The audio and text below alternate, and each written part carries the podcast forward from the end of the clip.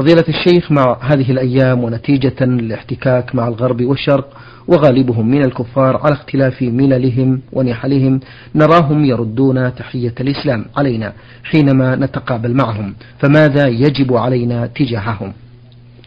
الحمد لله رب العالمين وأصلي وأسلم على نبينا محمد وعلى آله وأصحابه أجمعين. إن هؤلاء الذين يأتوننا من الشرق ومن الغرب ممن ليسوا مسلمين لا يحل لنا أن نبدأهم بالسلام. لأن النبي صلى الله عليه وسلم قال لا تبدأ اليهود ولا النصارى بالسلام ولكن إذا سلموا علينا فإننا نرد عليهم بمثل ما سلموا علينا به. لقوله تعالى وإذا حييتم بتحية فحيوا بأحسن منها أو ردوها. وسلامهم علينا بالتحية الإسلامية. السلام عليكم. لا يخلو من حالين إما أن يفصحوا باللام فيقولوا السلام عليكم. فلنا أن نقول عليكم السلام ولنا أن نقول وعليكم. أما إذا لم يفصحوا باللام وهو الحال الثانية مثل أن يقولوا السلام عليكم فإننا نقول وعليكم فقط. وذلك لأن اليهود كانوا يأتون إلى رسول الله صلى الله عليه وسلم فيسلمون عليه يقولون السلام عليكم غير مفصحين باللام والسام هو الموت. يريدون الدعاء على النبي صلى الله عليه وسلم بالموت. فأمر النبي صلى الله عليه وسلم أن نقول لهم وعليكم. فإذا كانوا قالوا السلام عليكم فإننا نقول لهم وعليكم يعني أنتم أيضا عليكم السام هذا هو ما دلت عليه السنة. وأما أن نبدأهم نحن بالسلام فإن هذا قد نهانا عنه نبينا صلى الله عليه وسلم. نعم. آه، أيضا المستمع أحمد يقول آه، هل ورد عن الرسول الكريم صلى الله عليه وسلم أنه قنت في صلاة الفرض مثل المغرب أو العشاء أو الفجر؟ مع أنه في الآونة الأخيرة بدأ أئمة المساجد عندنا يقنتون في صلاة المغرب والعشاء والفجر. أرجو التكرم شيخ محمد بذكر الأدلة. وهل هناك أحاديث صحيحة؟ أرجو ذكرها. بارك الله فيكم. نعم. القنوت في الفرائض لم يرد عن النبي صلى الله عليه وسلم إلا في أحوال مخصوصة. فإن النبي صلى الله عليه وسلم قنت شهرا يدعو على رعل وذكوان. الذين قتلوا القراء السبعين الذين بعثهم النبي صلى الله عليه وسلم. ثم تركه. وقنت صلى الله عليه وسلم لإنجاء الله تعالى المستضعفين من المؤمنين في مكة حتى قدموا ثم تركه. وكان صلى الله عليه وسلم يقنت في مثل هذه الأحوال ولكن ظاهر السنة أنه يقنت في المغرب والفجر فقط.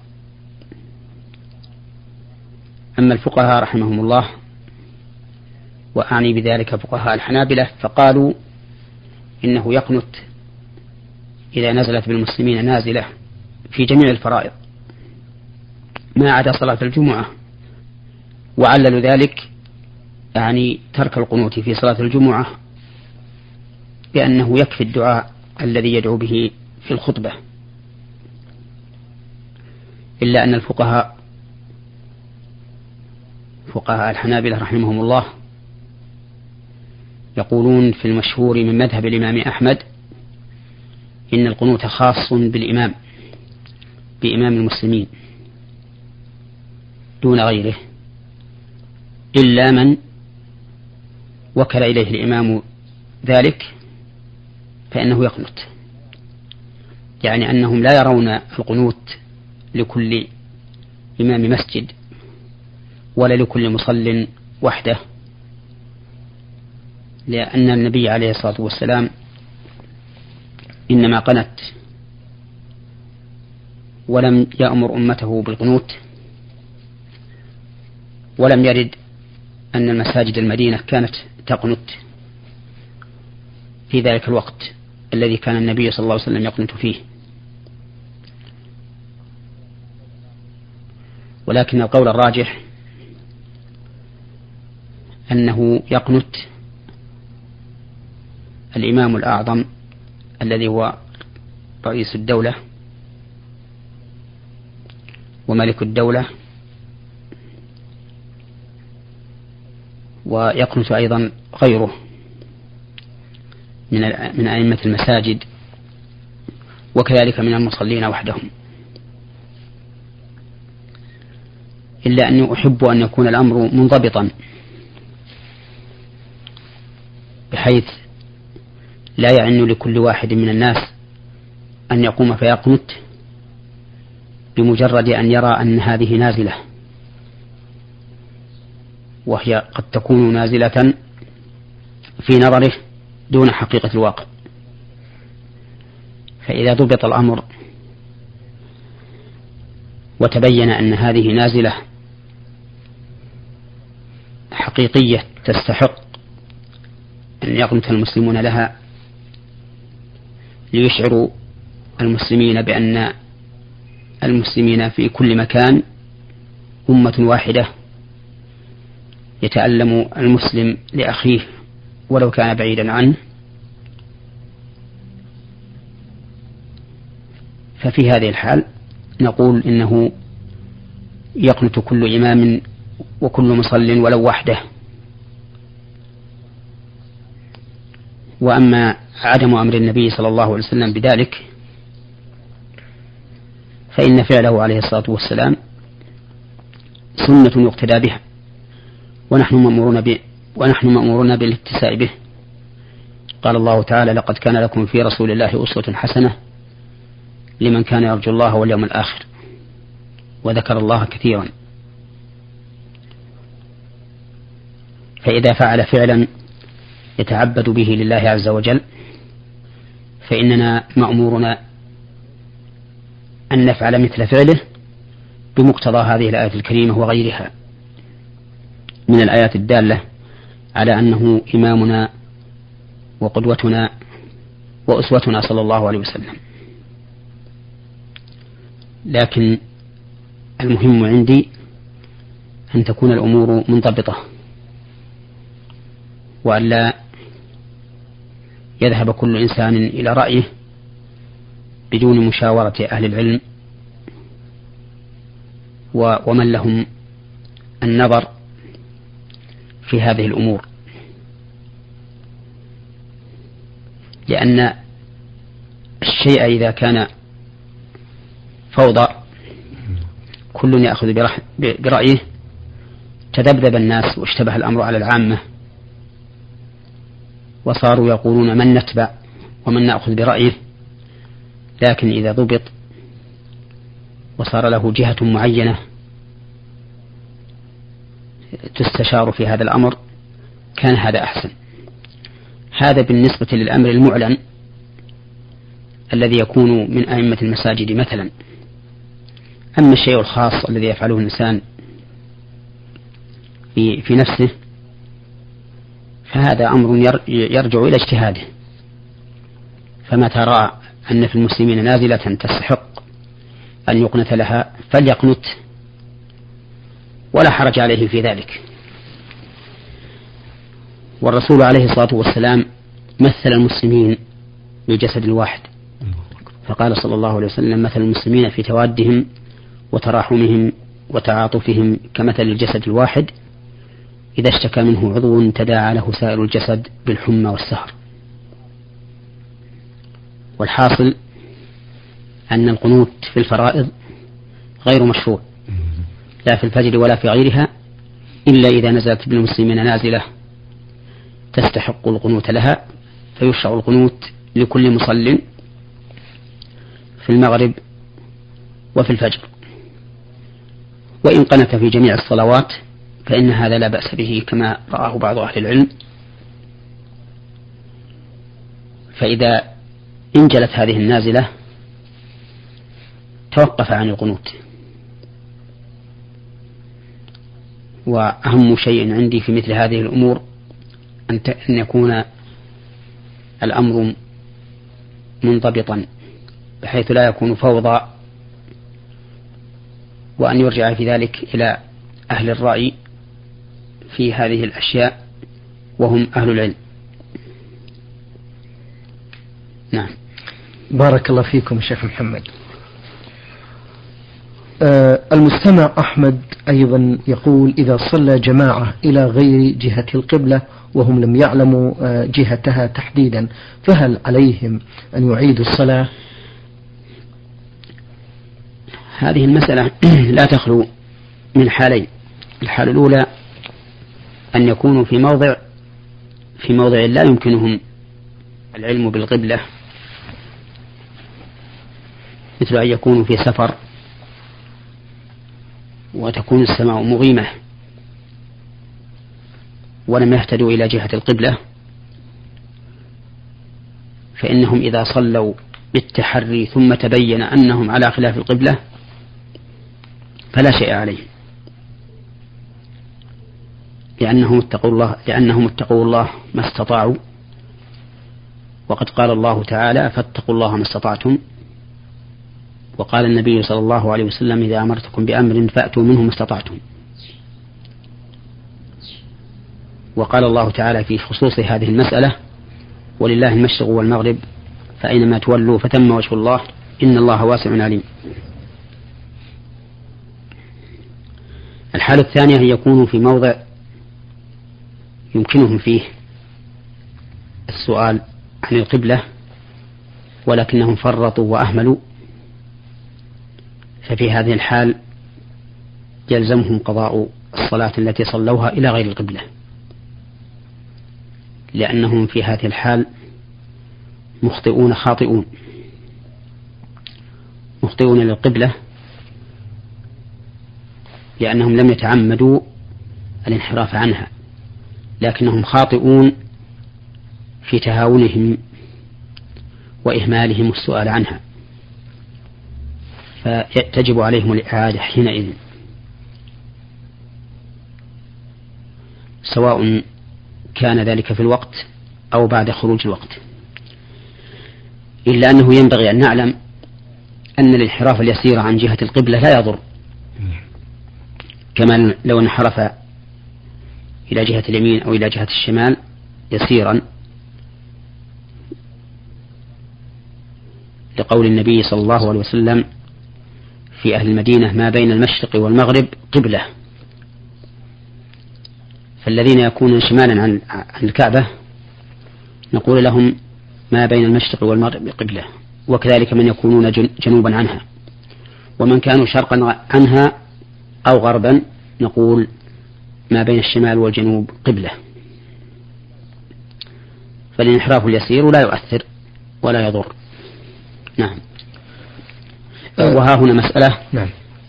أحب أن أنبه عنها بهذه المناسبة وهي أن من كان في المسجد الحرام يشاهد الكعبة فإنه يجب أن يتجه إلى عين الكعبة لا إلى جهتها. لأنه إذا انحرف عن عين الكعبة لم يكن متجها إلى القبلة. وأرى كثيرا من الناس في المسجد الحرام لا يتجهون إلى عين الكعبة. تجد تجد تجد الصف مستطيلا طويلا وتعلم علم اليقين أن كثيرا منهم لم يكن متجها إلى عين الكعبة. وهذا خطأ عظيم يجب على المسلمين أن ينتبهوا له وأن يتلافوه. لأنهم إذا صلوا على هذه صلوا على هذه الحال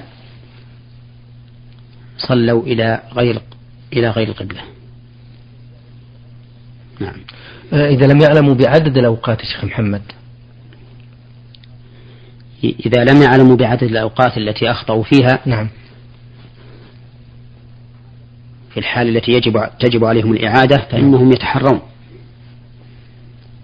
يتحرون الأيام والصلوات التي أخطأوا فيها. فإذا قدر أنهم شكوا هل هي مثلا هل هي عشرة أيام أو خمسة عشر يوما فليجعلوها عشرة لأن هذا هو المتيقن وما زاد عليه مشكوك فيه فلا تلزم إعادته نعم. من جمهورية مصر العربية الأخت المستمعة رمزت لاسمها بغين صاد عين. تقول فضيلة الشيخ هل يجوز أن أذهب إلى الجامعة مع العلم أنها تبعد حوالي 20 كيلومتر من منزلي وهي مختلطة وخاصة كليتي. المواصلات مكدسة بالرجال والنساء معا. وأيضا عند دخول الجامعة يطلبون مني رفع النقاب عن وجهي وخاصة في أوقات الامتحان. هل هذه تعتبر ضرورة؟ وهل يجوز لي أن أعصي أبي وأهلي مع إصرارهم على ذهابي بحجة أنني لا بد أن أخذ شهادة وتكون سلاح في هذا العصر؟ أفيدونا مأجورين. الذي أرى أنه لا يجوز للمرأة أن تكشف النقاب عن أن تكشف الغطاء عن وجهها؟ لأن الأدلة من كتاب الله وسنة رسوله صلى الله عليه وسلم والنظر الصحيح تدل على وجوب ستر المرأة وجهها. على هذا فإذا أمرت بأن تكشف وجهها وجب عليها أن تمتنع. وإذا ألح عليها أهلها أن تعمل هذا العمل وجب عليها أن تقنعهم بأن هذا لا يجوز فإن تبين ذلك لهم وعذروها به فهذا من فضل الله عليها وعليهم وإن لم يتبين لهم أو تبين وأصروا على أن تكشف وجهها فيجب عليها ألا تفعل وألا تكشف وجهها وإن غضب على ذلك وإن غضب بذلك أهلها ووالداها. لأن الله عز وجل يقول ووصينا الإنسان بوالديه حملته أمه وهنا على وهن وفصاله في عامين أن اشكر لي ولي والديك إلي المصير وإن جاهداك على أن تشرك بي ما ليس لك به علم فلا تطعهما وصاحبهما في الدنيا معروفا. فلا يطاع الوالدان في معصية الله. فإنما الطاعة في المعروف ولا طاعة لمخلوق في معصية الخالق. نعم. آه رسالة من مستمعة للبرنامج وتقول هل قراءة سورة الكهف يوم الجمعة وليلتها عمل مندوب؟ نعم. قراءة سورة الكهف يوم الجمعة. عمل مندوب إليه. وفيه فضل. ولا فرق في ذلك بين أن يقرأها الإنسان من المصحف أو عن ظهر قلب. واليوم الشرعي من طلوع الفجر إلى غروب الشمس. وعلى هذا فإذا قرأها الإنسان بعد صلاة الجمعة أدرك الأجر. بخلاف الغسل يوم الجمعة فإن الغسل يكون قبل الصلاة لأنه اغتسال لها فيكون مقدما عليها. نعم. آه، من العراق محافظة داهوك المستمع عزة يوسف طه يسأل عن آه، أوائل السور يقول في كثير من السور في بدايتها ألف لام ميم قاف كاف ها يا عين صاد حام ميم عين سين قاف. ما معنى هذه الآيات؟ أفيدونا جزاكم الله خيرا. هذه الآيات هي الحروف الهجائية ابتدأ الله تعالى بها في بعض السور واختلف العلماء في ذلك. فمنهم من قال إنها أسماء لهذه السور. نعم. ومنهم من قال إنها رموز وإشارات إلى أسماء الله عز وجل. ومنهم من قال إنها أو إن بعضها إشارات إلى حوادث تقع. ومنهم من قال الله أعلم بما أراد بها. ومنهم من قال إنها حروف هجائية ليس لها معنى. ولكن ولكن لها مغزى. قالوا ليس لها معنى لأن الله سبحانه وتعالى يقول في هذا القرآن الكريم نزل به الروح الأمين على قلبك لتكون من المنذرين بلسان عربي مبين. ويقول تعالى إنا أنزلناه قرآنا عربيا لعلكم تعقلون. وفي آية أخرى يقول إنا جعلناه قرآنا عربيا لعلكم تعقلون. وهذه الحروف الهجائية باللسان العربي ليس لها معنى. وعلى هذا فنقول هذه الحروف الهجائية لا معنى لها. ولكن لها مغزى وحكمة عظيمة. هذه الحكمة هي بيان أن هذا القرآن العظيم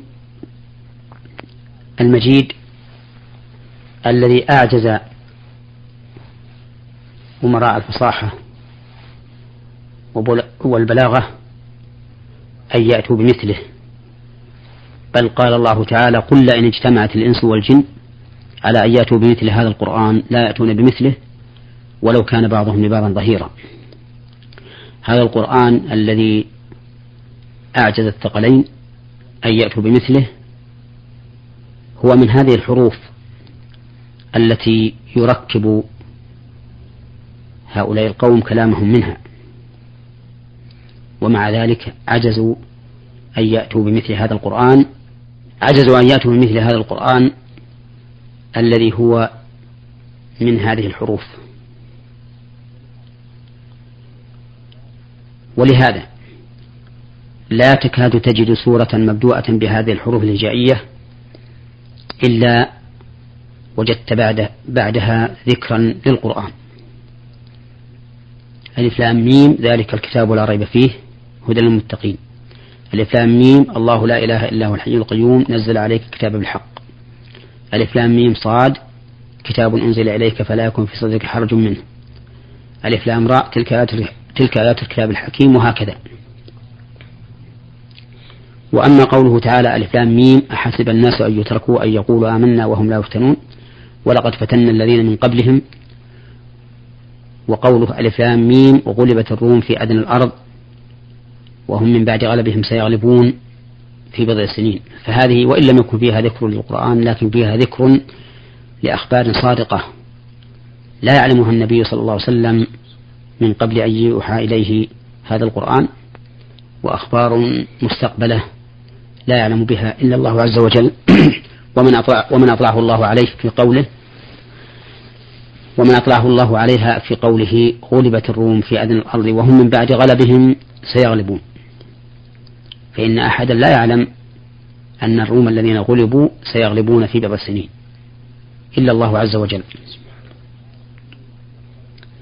وأما قوله تعالى النون والقلم وما يسطرون ما أنت بنعمة ربك بمجنون فإن فيها إشارة إلى القرآن حيث إن النبي صلى الله عليه وسلم الذي أوحي إليه هذا القرآن وصف ونعت بهذه النعوت الجليلة.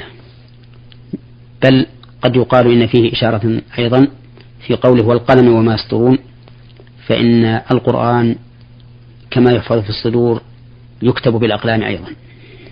نعم. أيضا المستمع من العراق شيخ محمد يقول في سورة يوسف يقول الله تبارك وتعالى لولا أن رأى برهان ربه. ما معنى البرهان هنا وما المقصود منه؟ يقول الله تعالى ولقد همت به وهم بها لولا أن رأى برهان ربه. وبرهان ربه الذي حال بينه وبين تنفيذ ما حصل فيه الهم هو الإيمان. والخشية والخوف من الله عز وجل. فإن الإنسان يحميه إيمانه بالله عز وجل وخوفه منه وخشيته له يحميه أن يقع في أمر حرمه الله عز وجل. وكل من كان أعلم بالله كان منه أخوف. وأشد خشية. قال الله تعالى إنما يخشى الله من عباده العلماء. فهو عليه الصلاة والسلام رأى برهان الله عز وجل وهو النور الذي قذفه الله تعالى من الإيمان والخشية. فمنعه ذلك من حصول ما كان فيه الهم. وأما القول بأن والده تراءى له في مخيلته يحذره من ذلك فهو قول ضعيف. لا تدل عليه الآية. وما ذكرناه هو المتعين وهو اللائق بمقام يوسف عليه الصلاة والسلام. شكر الله لكم فضيلة الشيخ وعظم الله مثوبتكم على ما قدمتم لنا وللإخوة المستمعين الكرام. إخوتنا المستمعين الكرام كان ضيفنا في هذا اللقاء هو فضيلة الشيخ محمد